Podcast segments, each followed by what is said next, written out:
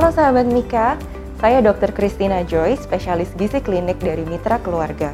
Pada kesempatan kali ini kita akan membahas mengenai pemenuhan gizi seimbang. Untuk memperoleh gizi seimbang, diperlukan konsumsi dari berbagai kelompok makanan yang berbeda. Makanan yang kita konsumsi idealnya mengandung nutrisi yang lengkap, yaitu karbohidrat, protein, lemak, serat, vitamin, dan mineral. Untuk menerapkannya, kita bisa menggunakan panduan piring makan, yaitu setengah dari piring makan diisi oleh sayur dan buah-buahan dengan beragam jenis dan warna. Seperempat dari piringnya kita isi dengan protein.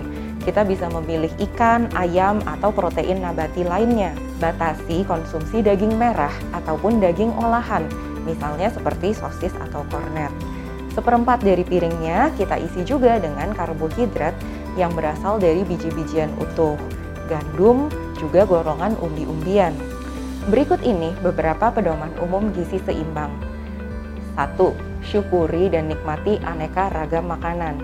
Kedua, biasakan mengkonsumsi aneka ragam makanan dari bahan makanan yang segar. Ketiga, perbanyak konsumsi sayur dan buah-buahan. Kita dianjurkan mengkonsumsi 3-5 porsi sayur serta 2-3 porsi buah setiap hari. Biasakan mengkonsumsi lauk pauk yang berprotein tinggi dan batasi gorengan. Keempat, cukupi kebutuhan cairan dari air putih, buah-buahan, dan sayuran segar. Terakhir, batasi konsumsi asupan makanan tinggi gula, garam, minyak, dan makanan-makanan instan.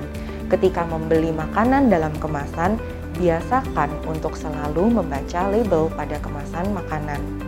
Jangan lupa lakukan aktivitas fisik dan olahraga untuk mempertahankan berat badan ideal.